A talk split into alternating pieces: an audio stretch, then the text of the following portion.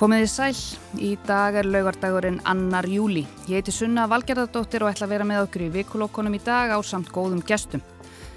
Upp er runnin hinn allræmda fyrsta helgi í júli, stærsta ferðahelgi ársins segja sumir. Og sumarið þar með skollið á að fullum þunga. Undir venjulegum kringumstæðum væru við að kljást við einhvers konar frétta leysi eða gúrkutíð Og mér langaði til gamans að byrja að þáttin á smá fróðlegsmóla vísindavefnum sem úrskýrir þetta hugtak sem flestir þekkja, gúrkutíð eða fréttasnöður tími. Þetta er upphaflega hugtak úr þýsku og þegar afsækið mig, sáre gúrkendzætt, það er tími síruðra gúrkna. Orðið á uppruna sinn hjá kaupmunum í Berlín sem töluðu þá um þann tíma sumars þegar litlu gúrkurnar voru lagðar í súr eða piklaðar En á sama tíma voru allir í fríi, engin að stunda viðskipti og lítið bara frétta almennt. Merkingin gúrkutíð hefur síðan vikað og nær nú yfir þann tíma þegar frí standa almennt sem hæst, meðal annars í þinginu og fréttamenn eiga oft erfitt með að finna fréttaefni. En þó að þjóðverjar séu nú í óða önn við að búa til súrar gúrkur sem enginn vil kaupa, höfum við sannarlegur nægu að móða því ekki vantar fréttinnar. Hver stór tíðindin og fætur öðrum beirast okkur hér bæði innanlands og svo ekki síst utan úr heimi. Stríðið heldur áfram í Úkrænu, tíðindi berast úr Allandsafsbandalæginu með mögulegri innkomu svíja og finna. Hæstiréttur bandaríkina feldi tímamóta úrskurðum þungunarof og hriðjuverk voru framin í Oslo gegn hins einfólki. Hér heima er verðbólgan í hæstu hæðum, kvalveðar eru hafnar á ný, nýjir fletir eru að koma fram í pottamálinu með vítalíu, arnari grant og þremenningunum Það eru formannskipti framundan í samfélkingunni, það er búið að fresta borgarlínunni, embættismenn þurfa að endurgreða launin sín og svo mætti lengi telja. Við munum alveg örglega ekki ná að fara yfir þetta allt saman en ætlum að reyna að komast yfir eitthvað með okkar góðu gestum sem eru komin hingað til okkar Þorbjörns Kolbrunarssonar tæknimanns í hljóðstofu 6 í efstaleiti. Gestir mínir koma úr ímsum áttum þó þau séu öll á einn eða annan hátt viðlóðandi pólitíkina eða hafa að minnstakosti verið á einhverjum tímapunkti. Það eru þau Sigriður Ingibjörg Ingadóttir, hagfræðingur BSRB og fyrfirandi þinkona samfélkingarinnar, Gretar Theodorsson, almanatengill, pólitískur spunameistari og fyrfirandi hlaðvarpstjórnandi. Þórildur sinna Ævarstóttir, þinkona Pírata, varaformaður Íslands, deildar Evrópuráðsins og fyrfirandi rannsóknarblæðamæður. Verið velkomin og takk fyrir að koma hinga til okkar. Þórildur sinna, ég ætla að byrja á þér. Þú ert nýkomin heim frá útlöndum, þú varst í Ukrænu. Já, ég var, í, ég var í Kíf og ég var í Bútsja og Irpin. Það lítur að hafa verið lífsreynsla. Það var það vissulega, um, en ég held að þetta hafi verið mikilvæg lífsreynsla. Við fórum þarna sendinemnd uh, og í raun undirnemnd laga og mannreittindanemndar Evroparáðs Stingsins. Svo ég kalli það nú bara í einni setningu heitið á þessari nemnd sem fór.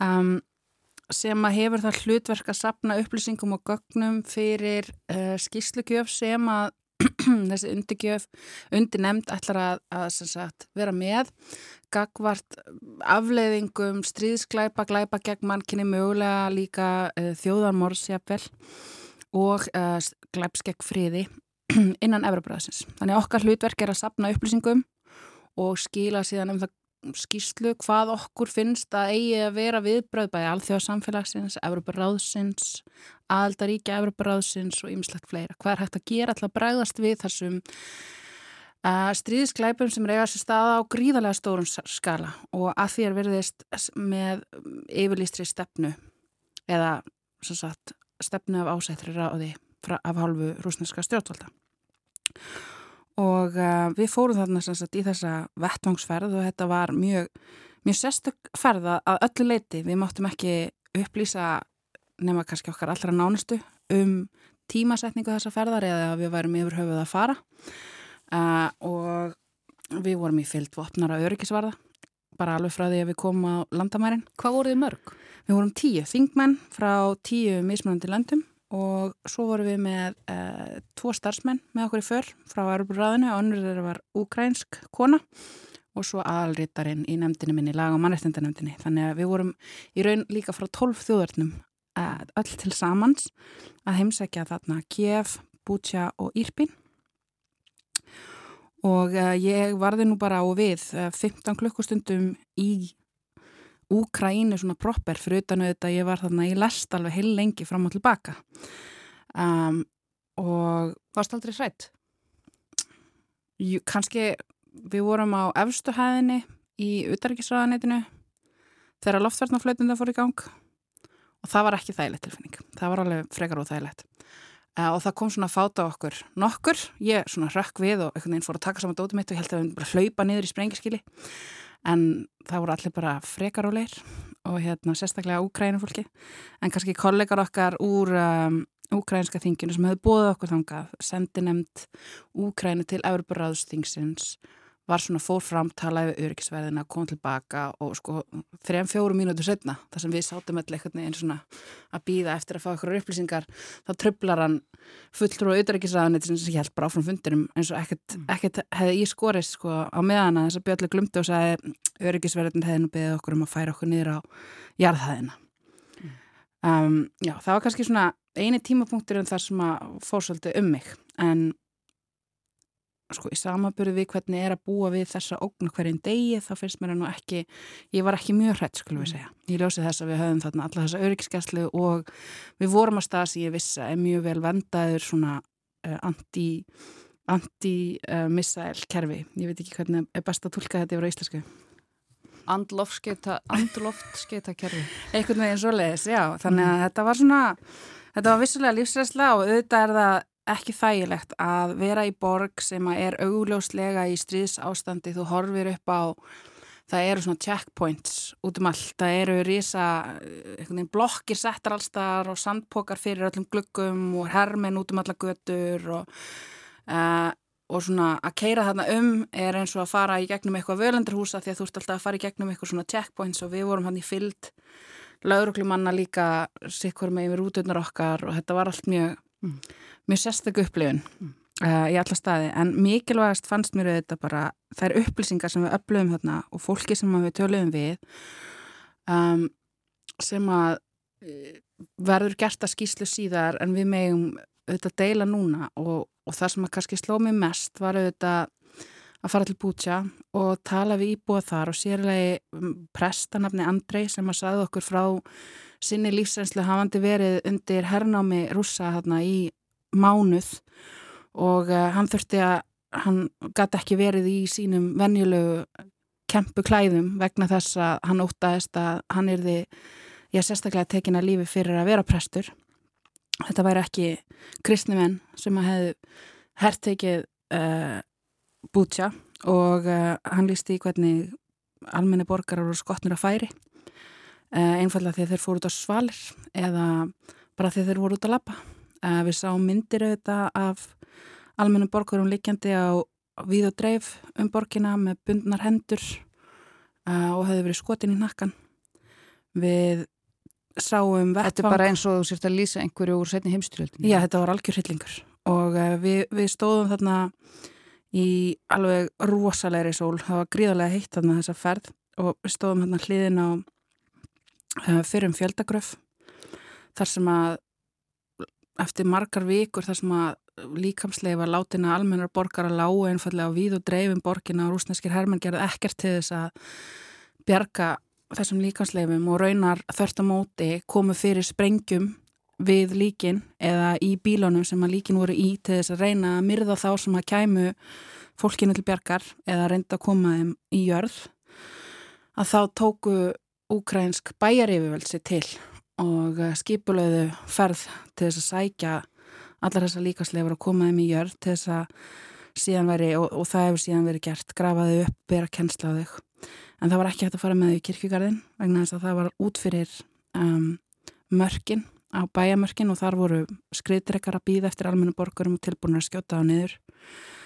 Og þeir virtu skera sérstaklega í því að skjóta á bílafól sem voru að flýja bútja þar sem þeir höfðu skrifað stóru stöfum á bílinn sinn að þeir voru með börn í bílnum og raun að saði einni hópnum okkar að, að sírlensku flótamæður hefði sagt honum að þeir þekktu þetta á stríðinu í Sýrlandi að þeir gerðu, gerðu sérstaklega í því að skjóta á bíla með börn í bílnum og þeir ætti alls ekki að merkja bíla með börnum vegna þess að þeir leiðu áherslu á að skjóta þá. Og hérna Já, þetta var bara rosalegt, rosalegt að heyra þessar sögur og uh, sérstaklega frá þessum manni sem var þarna í þessu umsáturs ástandi í meirinn mánuð, segja okkur frá þessu svona rólega um, og segja ykkur frá því hvernig sumir hermannana sem komið hana voru raunar klættir í skrúðbúninga. Þeir voru ekki klættir í þessa svona kannski hermanna viðbúnaðar búninga vegna þess emitt og þetta er það sem við heyrðum frá fleirum að þeir áttu vona á að þeir fengi góða móttökur að þeim eru tekið fagnandi og uh, þau töldu að hluti af þessum stríðskleipum skýringinu mætti finna í því að þeir hafa orðið fyrir einhvers konar vonbreiðum með móttökurnar sem þeir fengju og þar að segja að það hafi ekki verið rósilegðar við fætur þeirra er þeir hertóku, borgir og bæi í kringum kæningarð og það sama heyrðu frá ukrainskum þingmönnum að þau hafi fundið skrúbúninga við dreif um kæningarð um, um kjef uh, þar sem að rússar hafi verið að undirbúa sig fyrir að halda risavaksna her skrúðsýningu eftir að þeir hefðu tekið borgina undir sitt vald. Svo fór það ekki alveg þannig? Nei, það fór visslega ekki þannig.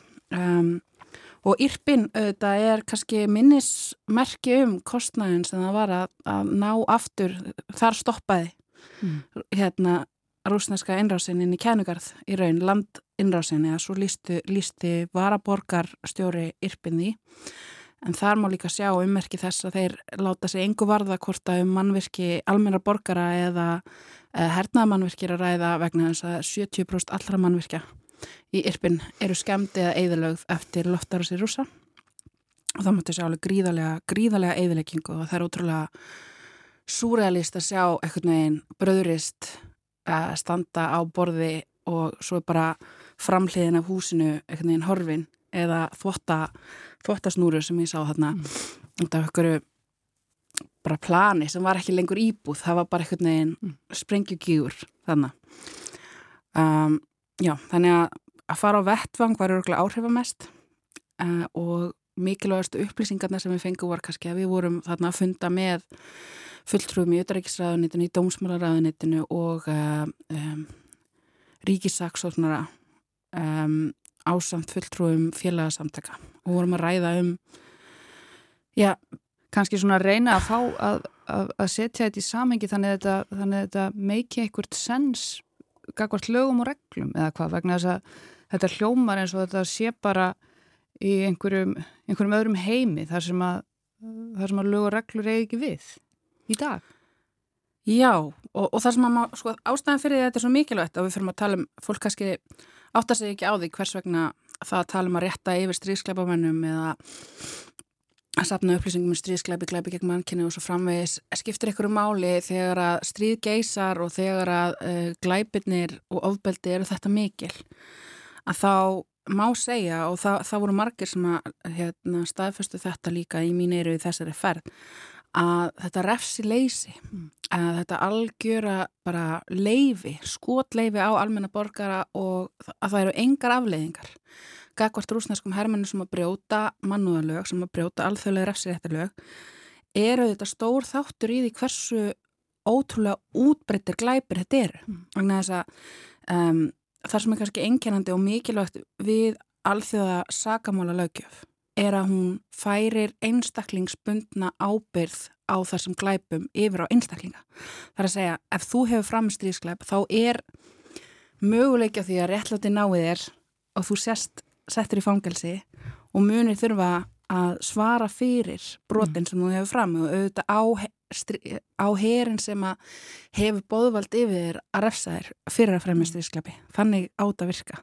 En við vitum það að í Rúslandi þá er einfallega algjört refsileysi gagvað stríðskleip. Það er algjört eh, eins og þeir kallaða ennsku impunity sem er það sem er verið að berja skegg með því að sapna upplýsingum um stríðskleipi. Og við erum búin að koma staði að um, sem sagt saksóknarinn í Úkrænu er, ríkisaksóknarinn er búin að fá tilkynnt að minnstakosti 20.000 brot stríðskleipi sem þau eru að rannsaka eh, með aðstóð alþjóðleira yfirvalda og við höfum með tvengið það staðferst frá þeim að það sem að þau vantar helst er ekki endilega saksóknarar heldur sérfræðingar í réttamínafræði og í alls konar réttar tækni, ef maður segja svona CSI mm. tækni um, sem að, sem að þau vantar sárlega vegna þess að þau eru einfallega bara ekki með nú mikið að sérhæðu starfsfólki til þess að sapna eitthvað þessum upplýsingum. En svo í mótsöku þetta þá eru þau bara með 30 tilkynnta glæpi uh, þegar kemur að kynferðisbrótum sem segir okkur stóra sögu um bæði Uh, það öryggisleysi held ég sem að konur í Úkræn eru að upplifa akkurat núna uh, og, og bara van getur til að geta tilkynntu þessi brot en líka ákveði stigma sem er gagvart þessari tegundaglæpum í Úkræn og svo er kannski tveir mikilvægi þættir í viðbót sem að koma út úr þessu svo ég held ykkur ekki hérna, allan daginn að tala um þessi voðaverk. Uh, og það er um, þau eru að berjast fyrir að setja verið að fót sérstaklega domstólum glæp gegn friði eða þarf að segja domstól sem að réttar yfir þeim sem að skipulöðu þetta árásastrið og þetta er í raun talin fljótlegasta leiðin til þess að ná einhvern veginn utanum þá glæpi sem að Pútín hefur framið í þessu, í þessu stríði vegna þess að það tekur tölverst lengri tíma að ætla að finna einhvers konar yfirmanns keðju til hans frá þessum stríðsklæpum sem er eigast stað á jörðinni í Úkrænu en það er vissulega um, til alþjóða glæpur gegn friði þar að segja skipulegja og framkvæma og um, verða valdur að innrásastriði sem er brot og síðan sérstakur skadabóða domstól sem að teku fyrir kröfur vegna þess gríðarlega skada sem úgræðumenn hafa orðið fyrir út af þessu stríði.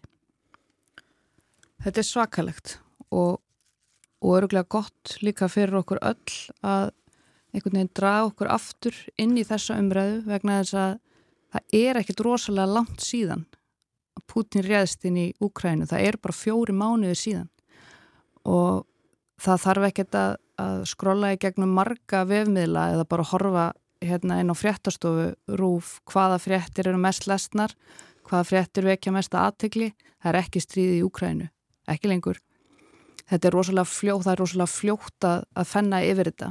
Gretar, ef bara mér langar aðeins að spyrja þig, uh, við munum nú öll uh, kannski hvar við vorum eða, eða hvernig okkur varðum þegar að þetta, þessi innrás varðað veruleika sem að var búið að einhvern veginn ræða um og, og búið að hóta og, og svona, þetta var alltaf búin að vera einhver, einhvers konar möguleikin síðan verður þetta að veruleika og við einhvern veginn erum með þetta uh, þetta byrjunna á þessu stríði í beitni útsendingu hvort sem það er bara frá sko fólki á, á göttunni í Kíf eða, eða í öðrum, öðrum stöðum í Ukrænu þar sem þeir eru bara með beina útsendingur símunum sínum mm -hmm.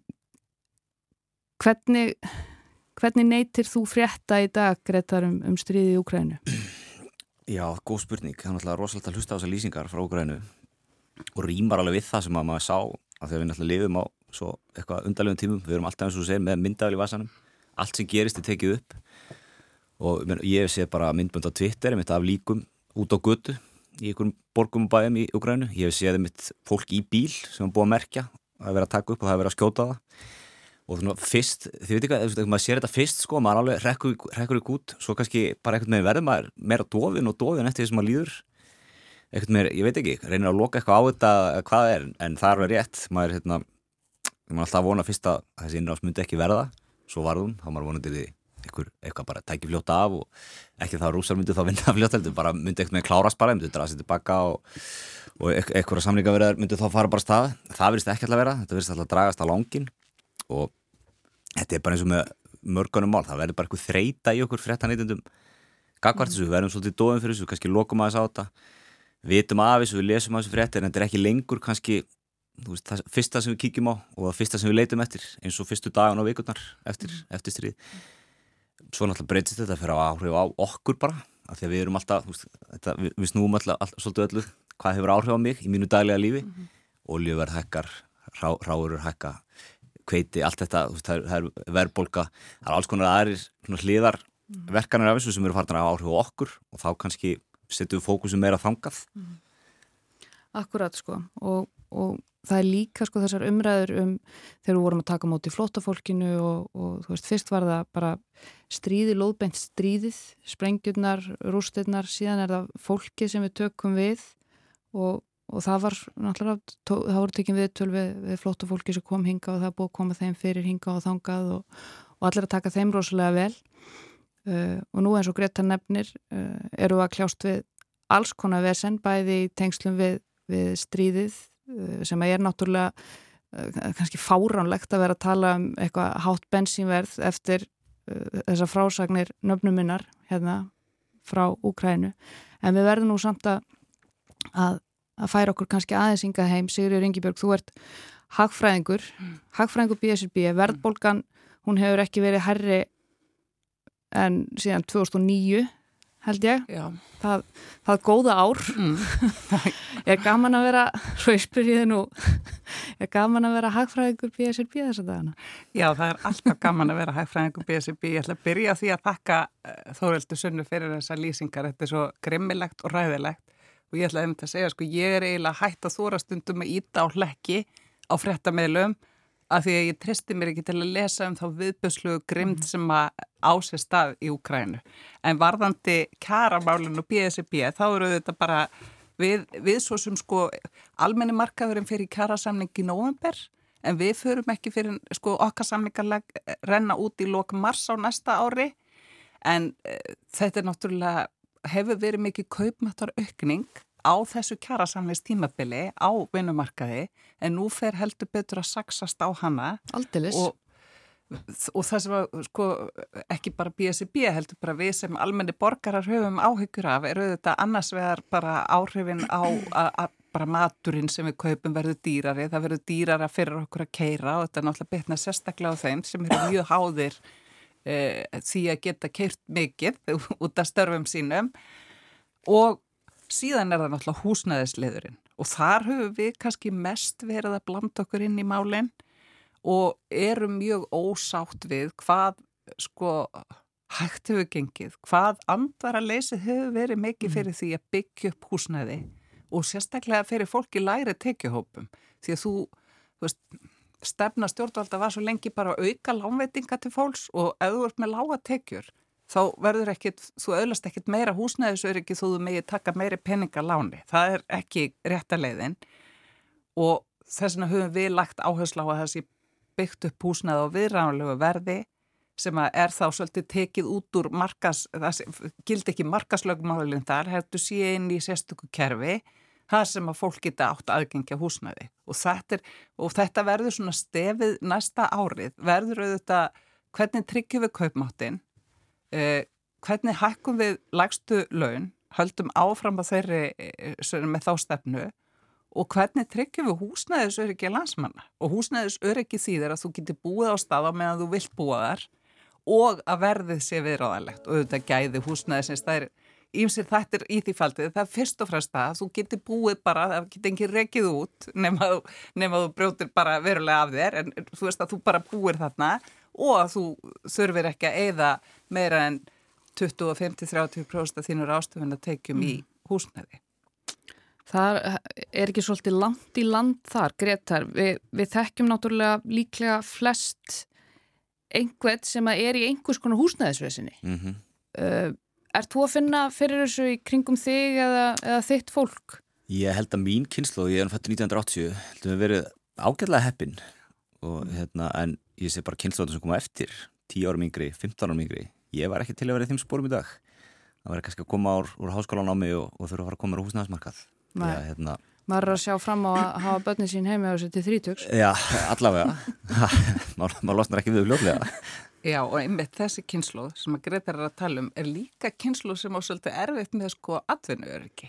Þetta eru, krak, eða, þetta eru ungt fólk sem með fína mentun mm. og veist, ótrúlega hæfilegar ríkir einstaklingar þetta eru kynsluðir sem að eru miklu betur lukkaðar heldur Þetta er gott fólk sem er að vaksa úr græsi sko. Já, er, en þau, þú veist, först vinna er ekki endilega eitthvað sem þau getur gengið á og þó að fólki finnist alveg spennandi að vera í einhverjum gig-ekonomi þá er það ekkit spennandi þegar þú kannski egnaspöld, þú ert að koma þakk yfir höfuðið að vera ekki með sko tekju öryggi. Og þú getur ekki almennilega að fara því sumafrí því þú hefur ekki efnaði, þú veist ekki hver réttindi þín er eða þú veikist. Þannig að þetta er kynslu sem á erfiðara með að fóta sig sko á vinnumarkaði hvað var þar öryggi og jafnframt inn á húsnæðismarkaði. Mm. og, og í raun er merkilegt hvaða er lítið talað um þennan hóp. Það er eitthvað neginn ég svo höfðu segja bara þau þetta er náttúrulega hópur sem kannski það heyrist stundum í þeim en þau eru bara svo ótrúlega upptekinn sko að þau hafi ekki tíma Já. til þess að berjast fyrir réttindum síðan. Það er líka svo mikið að gerast í samfélagi að þú veist í heiminum annað en þetta, þú veist, það eru alls konar siðferðismörk sem að við þurfum að, að ræða og þau þurfa svo mikið að passa sig og vera góð og breyta rétt og vera, þú veist, vera góðar og flottar manneskjur Já. einhvern veginn Bara, það er líka bara tölverst gert í því að íta þeim út úr stjórnum að því markinu, en mér finnst oft tala ítla um þessa kynslu. Að þau eru kallið auðmingjar og... Já, mm -hmm. og hérna ég er bara algjörlega, algjörlega ósamala þeirri greiningu á, á þessari kynslu. Mm -hmm. Segir nú meira um þá sem að... Já, nákvæmlega. Ég meina þegar að við þér blasir sko algjör eigðlegging á lífsgæðum, bara existential threat, veist, þessi, um, þessi gríðarlega óg sem að stafar af framtíða, sem að, að framtíða kynslu að standa frammi fyrir, uh, að ætla þeim svo að líka taka, sko, taka sér pláss í umræðum um, já, hvernig ég að tækla vandamálega á húsnæðismarkaði, ég meina, við, við erum bara að horfa upp á það, trekk í trekk, að ákvarðanir eldri kynsluða sem eru teknar með þeirra eigin hagsmunni að leiðaljósi eru að bytna herfilega á yngstu kynsluðinni og stærsta vandamálið, ekki stærsta vandamálið en eitt af vandamálunum er að þau hafi ekki nógu mikla trú á hennu líðræðislega ferli og eru þar að leiðandi minna líklega til þess að taka þátt til dæmis í kostningum og þeirra rödd og þeirra áhrif heyrast þar að leiðandi síður. En við sjáum það líka bara meðalaldrinu í, í þinginu, ég minna minn, minn þingflokkur er yngsti þingflokkurinn á, hérna, á alþingi, á meðaltali. Og ég er yngst, ég er 35 ára. Þannig að mér finnst það bara að segja sitt um sko aldurstreifinguna á þingi. Eh, það er líka þessi tendens kannski hjá eldri kynnslöfum eh, og nú er ég auðvitað ekki alhafa en það er þessi tendens að einhvern veginn ef þú talar ekki rétt, ef þú ert ekki nógu vel til hafður á, á þennan svona góðborgarahátt að þá ert ekki velkomin í sko samfélagsumræðina. Gretar. Það getur ekki tjáði rétt. Mm. Erst þú með innlegg í þetta? Ég, ég, ég er, er alveg samanlegar af vissuleiti. Ég held samt að þetta sé að breytast. Þetta er byrjað að breytast. Við erum farin að hérna, gera öðruðs í kröfur á bara pólitikusa en við gerðum fyrir 10, 15, 20 árum. Við viljum fá þetta svolítið mannlega hérna, inn í pólitíkina og við viljum bara fólk sé eins og það er mm -hmm. en ekki hérna þú ferði í pólitísku mótilið ef ég væri að fara í pólitík, jakkaföndin, bindið, greiðstandi hliðar, tala okkur nákvæðin hátt. Veist, þetta er svolítið að vera búið held ég. En, en kannski það sem að Þórildur Sunna er kannski líka að segja sko að, að kannski þetta er ekki droslega kræsilegt starf. Þetta er ekki, Nei, veist, er ekki, ekki. við erum ekki að tala við krakka hérna í mentaskóla eða, eða efstu lögum grunnskóla sem að vilja vera stjórnmálamenn, Nei. það er kannski ekki mjög algengt. Alls ekki, þetta er, þetta er ekki kræsilegt svo opp því það ekki ánum bóðar hérna, þetta er, er örfið sem margt annað. Og við gerum alveg ótrúlega kröfur á pólitikusa sem við gerum ekkert á annað fólk. Mm. það er alltaf lægi að gera öðru sem kröfur á pólitísku en við gerum miklu, miklu held ég svona meiri og dýpri kröfur oft á mm. pólitíkina en við gerum aðra, ég veit hvort þau eru svo samála með þér en mér finnst þú oft sko við erum að tala um hennar kúltur í pólitíkinni veist, að hérna, það er aldrei beist afsökunar það, það við ekki mistök. Það er náttúrulega bara því að, að hérna, ef ekki erum mistök eða, eða þú ert að gera eitthvað öðruvísi þá er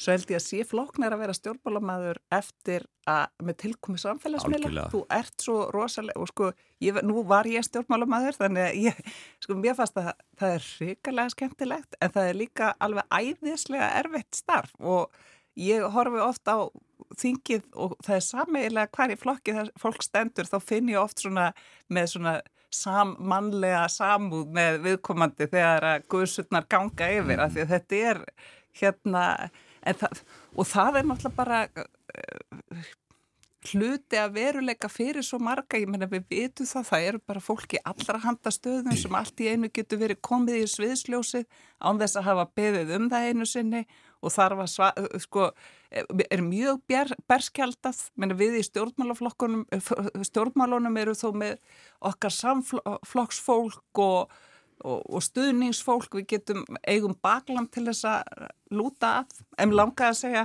sko þegar við erum að tala um þessa kynslu þetta er líka kynslu sem að sko myndi þá vera að setja kynsluðin mm. er það ekki? Ég skil ekki alveg þau, ég getur aðeins Já, er, er það ekki fólki kynslu? sem er sko fætt svona undir aldam, eða sko þau eru fætt á upp úr 90 Já, ok?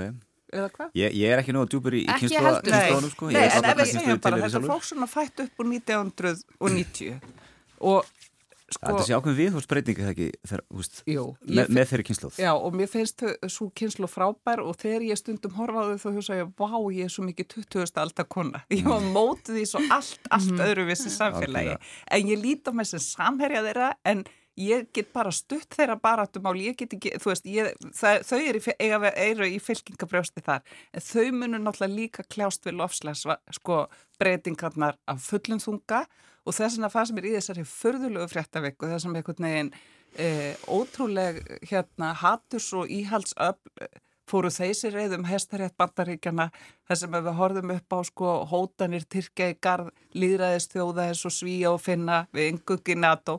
Þá var sko einar mjög frábæra fréttir frá Íslandi og það var hérna aukning á getu Cardfix í samvinnu við Climeworks til þess að binda kólefnu og farga. Þannig að sko þegar nýja hérna þessi þetta nýja verkefni verður komið að fulli kakni þá er komið 1% Þau eru að ná þá að fanga 1% af losun á Íslandi. Ég er ekki að tala um þá losun frá landi og það er allt nokkuð og ef við hugsaum sko taknibreitingar er í lókareitmiskum skala af því að það er ganga svo, þegar taknin byrjar að rúla þá gengur þetta svo hratt. Þannig að ég hugsa að já, það er allavega eitthvað gott að gerast og það eru vísindamenninir okkar hér upp á helliseiði. Þannig að ég allavega var ótrúlega þakklátt fyrir þær fréttir. Já, karpfix til bjargar. Hvað segir þau? Ég, ég bara má til með að, að taka til varna fyrir mína, mína starfstjætt.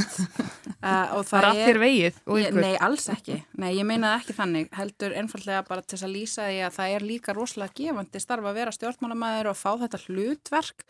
Uh, þetta er ákveðin gjöf sem við fáum sem er umbúð frá þjóðinni til þess að gegna rosalega mikilvægur hlutverki í samfélaginu og það er kannski það sem er gefandi við það. Hvað var þar andrumslofti í pólitíkinni að þá er hún summa heldarinnar. Mm og eh, eftir því sem að ungu fólki í pólitíkinni fjölgar að þá mun stemningin líka breytast, það veit ég alveg fyrir víst. Um, en á meðan að hún er ennþá algjörlega hersetin af fyrri kynsluðum sem hefa síntað kjörtímabil eftir kjörtímabil, mánu eftir mánuð, dag eftir dag að þau bera ekki hag framtíðar kynsluða nægilega mikið fyrir brjósti að þá verða ekki breytingar sem þarf til þess að tryggja bara lífanleika hérna til frambúðar. Mm. vegna þess að það er ekki verið að taka nógu stór skref, hvorki í áttaréttlaðum umskiptum nýja til þess að berjast við lostasvarna og til þess þá þurfum við liðsauka frá ungu fólki sem hefur alveg orkuna og þróttin til þess að gera þetta. Uh, en ég skil vel að, að þau eru gríðarlega upptekinn og það er erfitt, erfitt að, að koma til sér fótunum þetta er bara, þetta er bara spurning um hvernig þú forgangsaðar mm. vegna þess að á þinginu og sérstaklega í ríkistjórn þar eru ákvarðanir teknar og þar, þaðan koma peningarnir og það þarf peningar til þess að taka allar þessar, eða til þess að framkama allar þessar ákvarðanir uh, og ég held að um leið á við komum því vel á framfæri að þarna hefur raunverulegt vald til þess að koma þínum hugsunum í verk að þá mögulega fyrir maður að sjá mm. aukna þáttöku meiri breytingar vegna þess að við þurfum virkilega flóð af ungu fólki inn á þing til þess að það verði hérna nægilega breytingar hvort sem það eru húsnæðismarkaði, umhverfismálum þegar kemur réttindamálum uh, og, og öllu þessu vegna þess að, að það likur hugmyndafræðin og það likur drivkrafturinn til þess að koma þessum breytingum í gegn. Gretar, hvað hvað hefur að gera til að ná unga fólkin inn á þing? Já, þeirra stort spurt Svaraðu nú hérna, Já, já, ég held sko ég held að ungt fólk hafa alveg slagt áhuga á pólitík það er ekkert breyst þú veist það kannski bara, það er, annað, það er með annan, annan vettvang núna mm -hmm. þú getur verið á samfélagsmiðlum þú getur, getur svolítið gert í gildandi umræðinni án þess að vera endilega á þingi þannig að ég held að kannski það sé svona fyrsta skrefi það mm -hmm. byrja að rúnast aðeins þar og, og byrðið til eitthvað plattform, byrðið til smá kannski nafn, málefni sem þú vinnur að og svo kannski kemur, kemur hérna Þingi, ég meina, er þingi gamalt í dag eða? Er við, er við með tölur hérna? Kanski ekki samanbyrðu við sko síðasta kjörstimabil en það er samt alveg ansi gamalt. Að síðasta kjörstimabil var bara stútfullt af gamlu köllum. Mm. Ég bara skal lýsa þið þannig vegna þess að ég náttúrulega uppliði sko þar sem að við vorum einhvern veginn yngsta þingið og einhvern veginn flesta konur sem á nokkur sinni verið og það var hérna 2016-17 og svo var þetta rosa bakslag. Uh, þar á eftir og þar kom náttúrulega bara miðflokkurinn eins og hann lagði sig og sjálfstæðisflokkurinn með hvað fjóra konur og sextamanna þingflokki og þannig að það voru líka alveg ákveðnir flokkar sem að hallaði töluvert meira á kannski þegar það kemur að kynjaslagsíðinu heldur en ekki en þar var meðalandurinn ansi, ansi hár ég er ekki búin að rekna út hvernig hann er núna en ég var bara að segja að það segja sína sögu að þingflokkur pírata er einhvern veginn yngsti þingflokkurinn mm. og ég er ég er yngst og ég er 35 ára sko. mm, uh, þetta hefði þetta verið skemmtilegra ef að, ja skemmtilegra veist, það hefði að minnst okkursti verið eitthvað fútti ef að, ef að hérna, Lenja Rún hefði líka komist inn. Já, hún var hann inn í eitthvað nýju klukktíma. Já. Vegna þess að, að það er útrúlega mikilvægt, ég meina, kjörgengisaldurinn er átján ár. Og það er þá sem að þú hefur rétt á að stíga inn á þing og okkur vantar meiri fjölbreytileika þegar kemur að, hversuna þetta fær ekki meiri aðtekli er vegna þess að það er ekki nógu margar ungar rattir að þingja að tala fyrir hagsmunum ungsfólks. Eh, og, og hagsmunum ungsfólks eru hreinlega ekki á ratartnum hjá mjög mörgu eldra fólki, skulum orða það. Þess vegna vantar fleira ungt fólk inn á þing. Ég var náttúrulega sem samfélgakona mjög ána með það að það var í okkar þingflokki þá voru komið tvær ungir þingmennin þó að þau séu nú annað er að nýjórið þrítugt og hitt 32 eða þekja þau Kristrún Frostadóttir og Jóhann Póll Jóhansson og þau hafa nú heldur betur látið til sín takið þessum málum. En þú veist og það er líka sér maður ungt fólk að koma inn í framsóknarflokknum sem að auðvitað Mhm, stakkaði þeirra þingflokku mikið og það er svona auðvitað er þetta breytilegt á milli þinga. Ég held líka, ég er alveg sammála þórildi sunna, ég vil samt benda á líka það er líka hlutur stjórnmálana að þetta er fulltrúalýraði að virkja þá ungt fólk og þeirra skoðanir leita til þeirra. Menna, hvert, ef, ef viðskiptar áð heldur þing þá er bara sko, þjætt setin bekkurinn af veist, það, þar er allir með það á reyna þú þarfst að hlusta á viðskiptalífið. Þú veist, þetta er náttúrulega, en stjórnmálinn verða að hlusta á alla og það er það er ekki bara hægt að segja að fólk verður þá að koma, þú þarfst ekki að sita á alþingi til að hafa áhrif, þú þarfst líka að hafa aðgang að þeim sem er að taka ákvarðanirnar, móta stefnuna og, og þetta er svo sem, ég myndi að þetta, er, þetta eru hópatin sem að hafa verið að mótmæla fyrir utan þingið í verkvalli vikulega út af lofslagsmálum. Þetta er hópurinn sem að drífur áfram réttindabaratuna núna innan samtakana 78. Mm. Þetta, er, það er, það, þetta eru hópar sem eru sannarlega virkir í mm -hmm. stjórnmálaumræðu og en kannski þeirra rödd heyrist ekki að páta eins og bænda sem að verða fyrir hækku vöruvers eða, eða ferðarþjónustu sem er ósáttu kvalveðar eða hvað það kann að vera.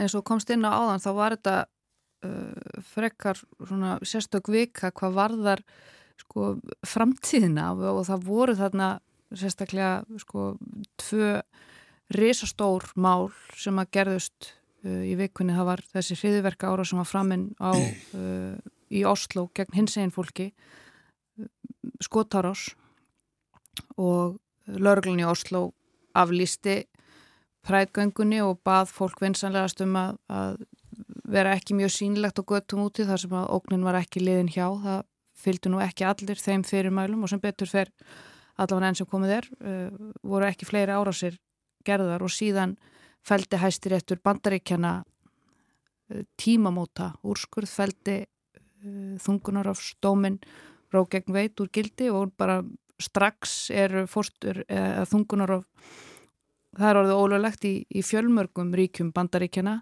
síðan uh, tók hæstiritu bandaríkjana annað stort skref og, og gerði það einhvern veginn erfiðar að, að framfylgja alls konar, erfiðar að fyrir í rauninni fórsett hann að, að framfylgja alls konar alls konar leiðum til þess að berjast gegn loftslagsbreytingum. Þannig að þetta er einhvern veginn það er, uh, það er alls konar hræðilegt einhvern veginn eða svona alls konar bakslu í gangi fyrir þessar þessar, kynst, þessar kynslu sem er að, að alast upp núna og sem er að, að verða fullor hvernig, hvernig er hægt einhvern veginn að, að, hvernig er hægt að koma til móts við þetta, þetta fólk sem að er að fara að taka við taumunum hérna hvernig er hægt að útskýra þetta fyrir þeim? Mér finnst þessi maður svo nefni bæði, mér finnst þessu lýsandi bara um svona aukna polariseringu mm -hmm. í, ekki bara í bandreikunum, bara í heiminum við saman í Ungarlandi, Pólandi og veist, maður er eitthvað svo næv sko, maður heldur alltaf að það sé bara línuleg þróun upp á því sko. en sem, þetta er að sína okkur þetta er alls ekki, sko. það er ekki hægt að sopna á verðinum og ég meina þess að fréttur úr bandreikunum er náttúrulega bara ótrúlega sko, mm. það er ótrúlega að, að, að hérna lista því að sko meirluti bandreikimanna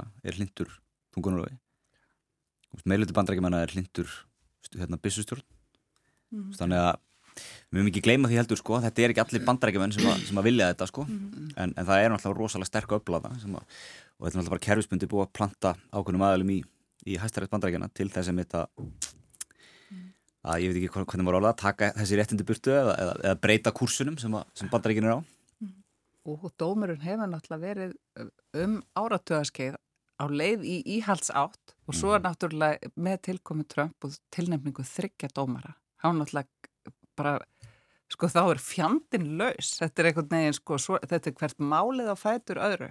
Það er annars vegar takmörkun og reglugerðavaldi fósettan sem mun hafa áhrif á lofslagspolitíkina því að þingi getur ekki komið sér saman. Það er náttúrulega þungunar á stómurinn. Það er, það er verið að dragur aðskilnaði millir ríkis og kirkju og það var varðandi vopnalaugjöfina að sko það hefur verið að takmarka rétt ríkja til þess að draga úr því og svo eru sko næst á dagskrá eru hjónabönd samkynneira, getnaðavarnir, mm. þú veist það eru hérna affirmative action, hvað maður að segja, hérna jákvæð mismunum, þannig að þetta er, þetta er bara svona, það er meira í pípunum en, en sko svo finnst manni líka því ég fylgist náttúrulega bara eins og aðri með þetta, aldrei er að hlusta á eitthvað podcast og svona, það er alltaf verið að segja sko, demokraterni segja nú verður fólk að koma og kjósa. En maður höfðs að býtu það er demokrati fósetti, það er meiri hlut í báðum þingdeildum. Það verður líka eitthvað, sko, ef þú er, og akkur eftir að fara og kjósa demokrati, akkur eftir ekki bara að vera heima, þú kvist á síðast, hvað gerðist? Mm -hmm. og, þá, og þá er kannski, sko, ef þú ert með völd þá þarf það stjórna, það er þessi, þeir eru í vandræðu með þessa málþóf, eru, það er hraðsla við að takmarka þessa málþófsreglu, það er hérna, henni að sko, maður hugsa nú þurfa líka stjórnmálinn það þarf eitthvað meira til en að segja bara eitthvað fólk í Mississippi að meitu kjósa sko, það er ekki hérna, það eru stjórnmálamenn sem verða að reyna að taka ábyrða þessari stöðu, það er ekki, þetta er sko það verður ekki snúið ofan að þessu nema með mjög að, það þarf mikla elju og þrautsegi og það mun taka mjög langan tíma en, en það byrjar á því að stjórnmálinn nýti þau valdatæki sem þau hafa mm. Hvað segir þú? Já, sko, ég, í fyrsta lagi þá held ég að þetta eh, sé afleiðing af eh, gríðarleiri þólimæði og skiplasfærni og fjármagnir sem er að baki íhalsabla í bandaríkjanum Eh, en reyndar út um allan heim þar sjáum við reyfingar í þessa átt og það er vegna þess að það er í alverðinni risastór maskina sem er að fjármagna sko andréttinda reyfingar bara til dæmis í Evrópu líka, við höfum alveg séð bara gögg sem sína það svart og hvítu, til dæmis í spáni viðsvegar í Evrópu þá er gríðalegt fjármagn og leiðin inn í reyfingar sem er að berjast gegn rétti hvernig allir þungunar ás, berjast gegn rétti samkynja hjónaband, eh, samkynneira til þess að gangi hjónaband og, og, og, og LGBTQ bara einhvern veginn árin eins og hann leggur sig. Um, þetta, er, þetta er aflegging af því, eða aflegging, ég minna þetta bara, þetta sýnir bara ótrúlega skýrt að íhaldsaflin eru velskipilögð, þau eru þólumóð uh, og þau eru til í að leggja allt í sölutna til þess að í raun ná fram sínu markmiðum sem að eru að stíga afturskref til fortíðar. Og þau okkar sem að standa gegn þessari pólitík höfum ekki staðið okkur nóg vel í að vera skipulögð, í að standa á réttindum allra og í að berjast í raun að fullum krafti. Og það er kannski vegna þess að við erum ekki tilbúin að ganga í að blánt uh, og nota hvaða meðal sem er til þess að mm -hmm. standa fyrir þessi réttindi en líka vegna þess að oft hefur okkur skort pólitist hugur ekki. Um, mér minnist þetta þegar ég var í uh, Európaræðinu og var í þegar ég satt í framkvæmtastjórninni og það komu hópur þingmannar sem að vildi stopna í raun bara fasista flokk innan Európaræðs þingsins uh, á þess að nefna um það að það var alveg augljóst í hvað stemdi þetta voru allt uh, þingmenn úr hennum ímsu úldra þjóðarnis reyfingum viðsvegar aður Európu og ég syngdi mínum kollegum þarna fram á að það er hérna grein í okkar lögur sem að leifur okkur að banna þeim að stopna flokk og fá peninga og áhrif og völd og alls konar aðgang sem að hérna fólk bara já en við höfum aldrei notað þetta áður og hvernig lítur það út? Og ég meina þau eftir að segja við sem ósangjötn og ég bara skýtt með það. Hva, ég meina hvaða það eftir að þýða ef að Evróbræði segir herru já þessi reyfinga bara í lægi hún má vera flokkur hérna innan okkar raða. Þannig að uh, þetta er kannski bara svona dæmi um að sko frjálslind fólk er oft líka svolítið hrætt við að taka haugrakskref og vera Þarf frjálslind meira... fólk að setja meir í mörg meiri mörg bara að vera ákveðnara og líka skipulaðara og tilbúið að sko, ég veit að við erum öll að leggja rosalega mikið á okkur. En þetta sýnir bara, ég meina það er hvað 40-50 árið eitthvað síðan að þessi dómum fjall og það er búið að vera að vinna linnulöst í gangi til þess að snúa þessu við síðan þá. Og þessir hæstarétti dómarir, ég man ekki betur en að þeir hafa allir haldið fram að þessi dómum myndi áfram standa eða eru valdir í dómstólinn. Þannig að það, það greinilega sko, stóð ekki fyrir þeim að bara ljúa þinginu til þess að komast í þessa stöðu sko. Uh, þannig að upp á sko, verkfærið sem þau eru til í að beita til þess að ná sínu fram, við þurfum bara að horfast í augu við að það er ekki endilega allir að spila samkjönd sko og þá þarf að hugsa hvernig ætlum að bregðast við því og við meðum líka ekki gleyma því að það eru íhalsfjall hérna á Íslandi, ég ætla ekki að jafna þeim saman en við skulum samt ekki gleyma því að það var stór hópur þingmanna sem er núna í stjórn sem að vildi reyna að skerða þau réttindi sem við höfum áður en að við útvíkuðum þungunar og slögjöfuna. Mm. Þau vildu lækka uh, þann vikufjölda sem að konur höfðu aðgang að örugri uh, að örugu þungunar og við nýri 20 vikur. Mm -hmm. sem að hefði þá í raun tekið að þeim réttindi þess að bregðast við 20 vikna sónartnum sem oft, eh, ekki oft en, en leiðir í ljós, alvarlega fórstukalla sem stundu þarf að bregðast við. Uh, og við höfum fjöldanallan af áhrifamiklu mönnum sem að kusu gegn þessu þungunarsfrumvarfi sem að var sem betur fyrir samþýtt 2019 mm -hmm. þar á meðal formann í sjálfstæðisflokksins uh, fórseta alþingis og núverandi dómsmálar á þeirra. Þetta er allt menn sem kusu gegn frjósumisfrelsi hvenna á Íslandi. Þeir eru stjórn akkurat núna. Þeir hafa ekki svara fyrir þetta nema með einhverjum útúrsnúningum og legum. Þannig að Við þurfum líka að hafa það í huga. Þetta gæti alveg orði mm. vandamál hér. Það kom mér á orði umræðinum þungururof 2019 hversu aftalega sumir er á meðrinni á Íslandi og hversu langt eru tilbúin að ganga í sinni orðræði um frjósamsversi hvenna. Þannig að við mögum heldur ekki sopna verðinum hér. Gretar, er þetta eitthvað sem að rýmar við, við þína upplifun í sambandi við sko uh, kannski ef ef við tökum þetta sem að Þóruldur Sunna var að segja varðandi sko uh, að frjálslind stjórnmálafólk þurfum við kannski að sína meiri hugrekki, þurfum við kannski að, að stíga fasta til jarðar? Já, ekki bara frálsins stjórnmálafólk, heldur bara þau sem að aðhyllast mm -hmm. þannig stefnu, sko, maður sér það bara á bara samfélagsmiðlum að, að hérna, mm -hmm. svona umræðinu tölvöld harðari hinnum meginn frá og, og hérna við kannski sem erum, erum hinnum meginn erum kannski bara löt og, og nennum ekki að taka slægin mm -hmm. full oft sko Sopnum kannski það Sopnum kannski hvort annað sko ef við verum ekki nógu kurtis Já, já, já, já en, en svona, þú veist það er svona að vanta kannski þetta, þetta þessa, hérna, eins og segir það er búið að vinna bara aðeins í bandrækjunum bara í ára tíi og, og þetta er bara þetta er einhver grundvallar bara skoðum sem fólk er tilbúið að gera ansi mikið fyrir. Kannski hinum með nefnum ekki alveg kannski bara því að við höfum það bara finnst þetta bara að hafa svolítið gott. Við höfum það svolítið þægilegt. Eins og ég var að segja, ég, maður bara svona svolítið þetta verður bara línuleg þrón upp á þið en við erum kannski að vakna núna, þetta er ekki línuleg þrón upp á þetta mm. þetta er upp og niður og, og það þarf að vera vakandi.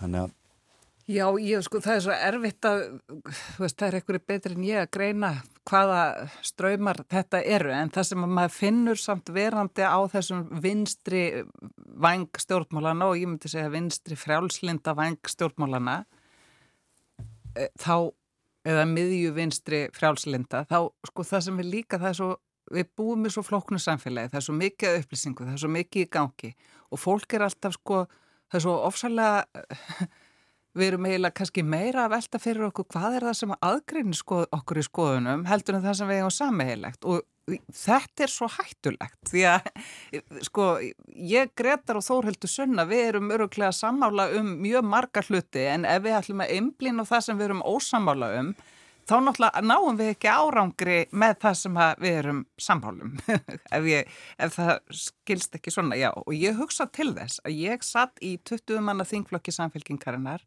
þegar hún var með 30% fylgi þar innabors voru mjög ólíkir einstaklingar og ólíka skoðanir e, maður tókst á við félaga sína og svo komist það samægilegri niðurstöðu en við deildum grundvallar prinsipum mm -hmm.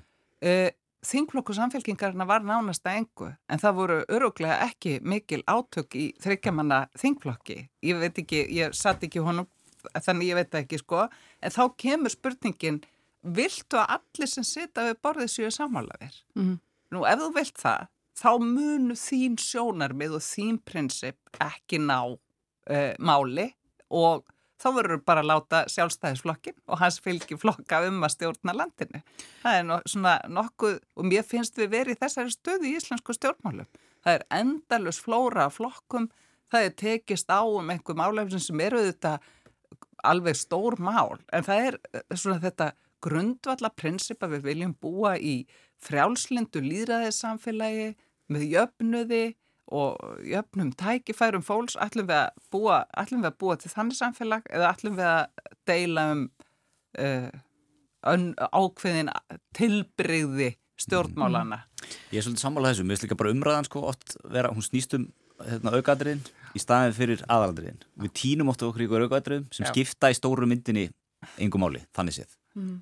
Það er líka oft meðvitu taktík að dreifa aðtekli fólks frá aðalatriðunum og yfir á auka atriðun. Ég hef kallað þetta þöggunartaktík og teljafvel að það sé til ákveðin þöggunarhandbók sem ég hef skrifaði um á stundina sem gengur einmitt út á að afvega leiða umræðina beininni að einhverjum smáatriðum. Ég meina ef við tökum landsréttamáli sem dæmi að þá fór, fór fyrirvændi dómsmálar það er alltaf að tala um einhver kynja sjónamið uh, eins og þau hefði einhver tíman vegið þarna inni uh, og sem þau gerði aldrei sko eða dómarareynslu og allt var þetta afsannat en alltaf vorum við að rýfast um það en ekki aðalatriði sem var pólitísk afskipti dómsmálar á þeirra af skipan dómara í landsrétt. Uh, svo ég reyfinu upp eiginlega eldgamalt mál í samhengi hlutana en uh, samt ennþá að hafa áhrif eins og við sáum bara um daginn. Um, Þannig að þetta er ákveðin taktík sem er notuð, það er líka notuð taktík að finna eitthvað sökudólk eða einmitt að snúma út úr að endurskrifa söguna, það er líka ímislegt gert til þess að vilja um fyrir fólki sem að vilja ræða það sem er að í samfélaginu, vill komast að sammeilinu nýðustu, vilja eitthvað taka ábyrða þegar við vorum að tala um að það vilja enginn taka ábyrð vegna þess að þá þurfum að, að segja af sér eða eitthvað slíkt og þá þá er líka ímislegt gert til þess að í raun koma fólki undan þessari ábyrð og uh, til þess að villa um fyrir samfélagsleiri umræði og það er held ég eitthvað sem við verðum að tækla með því að í fyrsta lagi bara vera upplýst um þessa taktík sem er notið en líka með því að fræða fólk um gaggræna hugsun og hvernig á að takast á við svona taktík vegna þess að hún er hættuleg líðræðinu og uh, vissulega lendur við stundum í því að tala um aukaðatrið frekar en aðalatrið en stundum er það með vilja gert. Mm. Nú er sumari framundan. Þetta var ekkert rosalega létt umræða hérna hjá okkur. Ég byrjaði þáttin á að tala um uh, skilgreininguna á gúrkutíð og þessi helgi hérna núna, þessi fyrsta helgi í júli er fyrsta svona stóra, stóra ferðahelgin. En hér sitjum við í hljóðstofu 6 inn í myrkrinu. Sigriður Ingebjörg, hvað ætlar að gera í sumar? Í sumar? Já. Uh, ég ætla nú bara það er tvö markmið, ég ætla annars vegar að taka því rólega og vera bara heima og hafa það hugulegt og svo hins vegar ætla ég að fara til Svíþjóðar sem er fóstræði minn nú um langan tíma hér á, það eru 20 ár síðan ég flytti heim og ég ætla að fara með yngri börnum mín þanga sem að fengi aldrei að upplifa það að búa þar við ætlum að vera þar í svolítinn tíma og hætta vinni og hafa það hugulegt. Ertu nokkuð að fara í skerjagarðin? Nei, ég verða ekki mikið í skerjagarðinum, ég reynir nú aðeins að koma við þar held ég. Gretar, þú, þú hattar ekki svíþjóð. Nei, Þetta er eins og músiki mín eru. Hvað ætlaðu þú að gera? Ég ætla að fara hérna á meilandi ég ætla að fara til, uh, fljóða til Fraklands og fara byndið til Ítalíu. Vera þar í viku. Með fjölskylduna. Hvar? Bara rétt fyrir innan landamæri Fraklands í runni hérna, 20 km innan landamærin. Verður það í litlum bæ bara í, í hérna róleitunum í, í tíu dag svo ætla ég að fara að hitta tengdafélskyldu mína í, í Lissabon, bara byndi í kjölfarið. Já, Lissabon er orðin svona... Hún er mjög körrent. Mjög körrent. Þið ekki töff að fara þákað. Ég er að reyna að elda þann, þann vagn. Mm, einmitt. Þann sporvagn. Þann sporvagn. Mm. Þóruldur Sunna, þú byrjaðir fríið hitt, kannski þó að það hafi verið útlandaferð, þá var hann kannski ekki alveg svona... Ég, ég myndi ekki kalla það frí, þetta var vinnuferð. Mm -hmm. uh, ég var í, fyrst var ég á uh, sumarfundi Evroparáðsþingsins í heila viku í Strasburg Ég byrst afsökunum að þetta var ekki ykkur Mér finnst þetta samt mjög uh, gefandi, skulum við segja. Mm. Ég upplýði ekki alveg eins og vinnuna hérna heima. Um, og síðan fór ég hérna til Úkrænu þannig að ég var í, í burstu í tíu daga og ég var lítinn strák sem að ég saknaði mikið. Um, þannig að nú um sinna minnst okkarstu þá verði ég bara heima að hafa hugulegt með honum og manninu mínum. En svo förum við tvö, uh, ég og maður minn í brúðköp í Pólandi hann, vinur hans eru sérst að gifta sig þar, maður minni pólskur. Og eftir það ætlum við loksins að halda upp á brúköpu okkar. Við giftum okkur semst í fyrra, ég og maður minn, vegna þess að vorum þreytta á að býða eftir að geta haldið upp á það uh, út af COVID. Og uh, núna ætlum við loksins að, að fagna því að við séum gift og í raun bara endur nýja heitin bara svona að ganni, af því að við vorum aldrei með ringa eða neitt svona fínar í síðast, þannig að við verðum með heljarinnar, heljarinnar veistlu í ágústa sem við fáum marga góða gesti og minnum öruglega að gleðjast mjög yfir að fá loksins að halda upp á ástina. Æðislegt, til hann ekki með það. Og verður þessi veistla á Íslandi? Já, hún verður á Íslandi mm -hmm. uh, og ég bara hlakka mikið til, ég held að þetta verður stór skemmtilegt. Það er einmitt eins og þú segir, þið eru öruglega ekki einn sem að ákvaða að fresta einhverjum, einhvers konar viðbyrðum, uh, svo ég tala nú bara fyrir mig, þá er einhvern veginn, það er alltaf fyllast af alls konar það er nánast of mikið það er svona eins og allir séu að, að taka út þessi síðustu tvö ár, er þú að upplifa það? Já, ég upplifa það svolítið og maður hugsa fyrir bara, vá, þú veist, það var bara ágætt að setja bara heima og prjóna. En svo finn ég það bara, það er svo ótrúlega gott að koma innan um fólk, geta knúsa fólk, mér finnst það bara ég elska það, en mm. ég finn stundum svona stress, maður hugsa, já þetta var, hérna, COVID-lífi var sko, hérna að því ég bjóð þessu forrönd þetta verið ekki með smábötn, ég gætt unnið heima, ég gætt haft þetta eins og ég vildi, þá var þetta svona ákveðið mm. time-out og kvíld. Mm. Já, við ætliðum að gifta okkur 2020 ah. og svo þegar það gekk ekki upp að þá hvaðum við bara skellið eitt bann svona í millitíðinni. Eins og maður gerir? Já, bara eins og við gerum á minnstakosti og hérna, ég, ég finnst að bara hafa verið ljómandi ákvörðin hjá okkur, við hefum hérna en frábæra strák og svo fáum við veislinu núna. Gretar, er, er kalendarið þitt? Já, fullt. það er útskrift í kvöld og, og þetta er held ekki að fymti viðbörðu núna á sístu fjórum vikum. Þú helst nú einn sjálfur? Ég held einn ekki er, neða á fymti daginn, segð ég. Já, já, þá var ég að loka hlaðvarpi sem við átna Helgarsson um haldið út í, í nýjár. Já, því miður. Já, þetta, þetta er... Ljúfsárt? Sko, já, nei, heil ekki. Komið gott. Komið gott. Já, þetta er komið gott bara. Þetta er svona eins og, hlaðvarsárun er eins og hundár, sko. Þetta, þetta er eins og að hafa verið í 70 ári í, í lóttunum við þetta. Þannig að þetta er bara komið gott. Akkurat. Þannig að það er nóg framundan og svo bara tekur, tekur hausti við hvenar, hvenar byrja þingið aftur. 13. september ef ég maður rétt. Annan þriði daginn í september. Takk fyrir að koma hingað til okkar Sigriður Yngibjörg, Gretar og Þóruldur Sunna. Takk kærlega fyrir komuna og þakka ykkur sem heima sitt til að leggja við hlustir. Vikulokkin verður svo hér á sínum stað næst komandur laugadag. Takk fyrir, verðið sæl.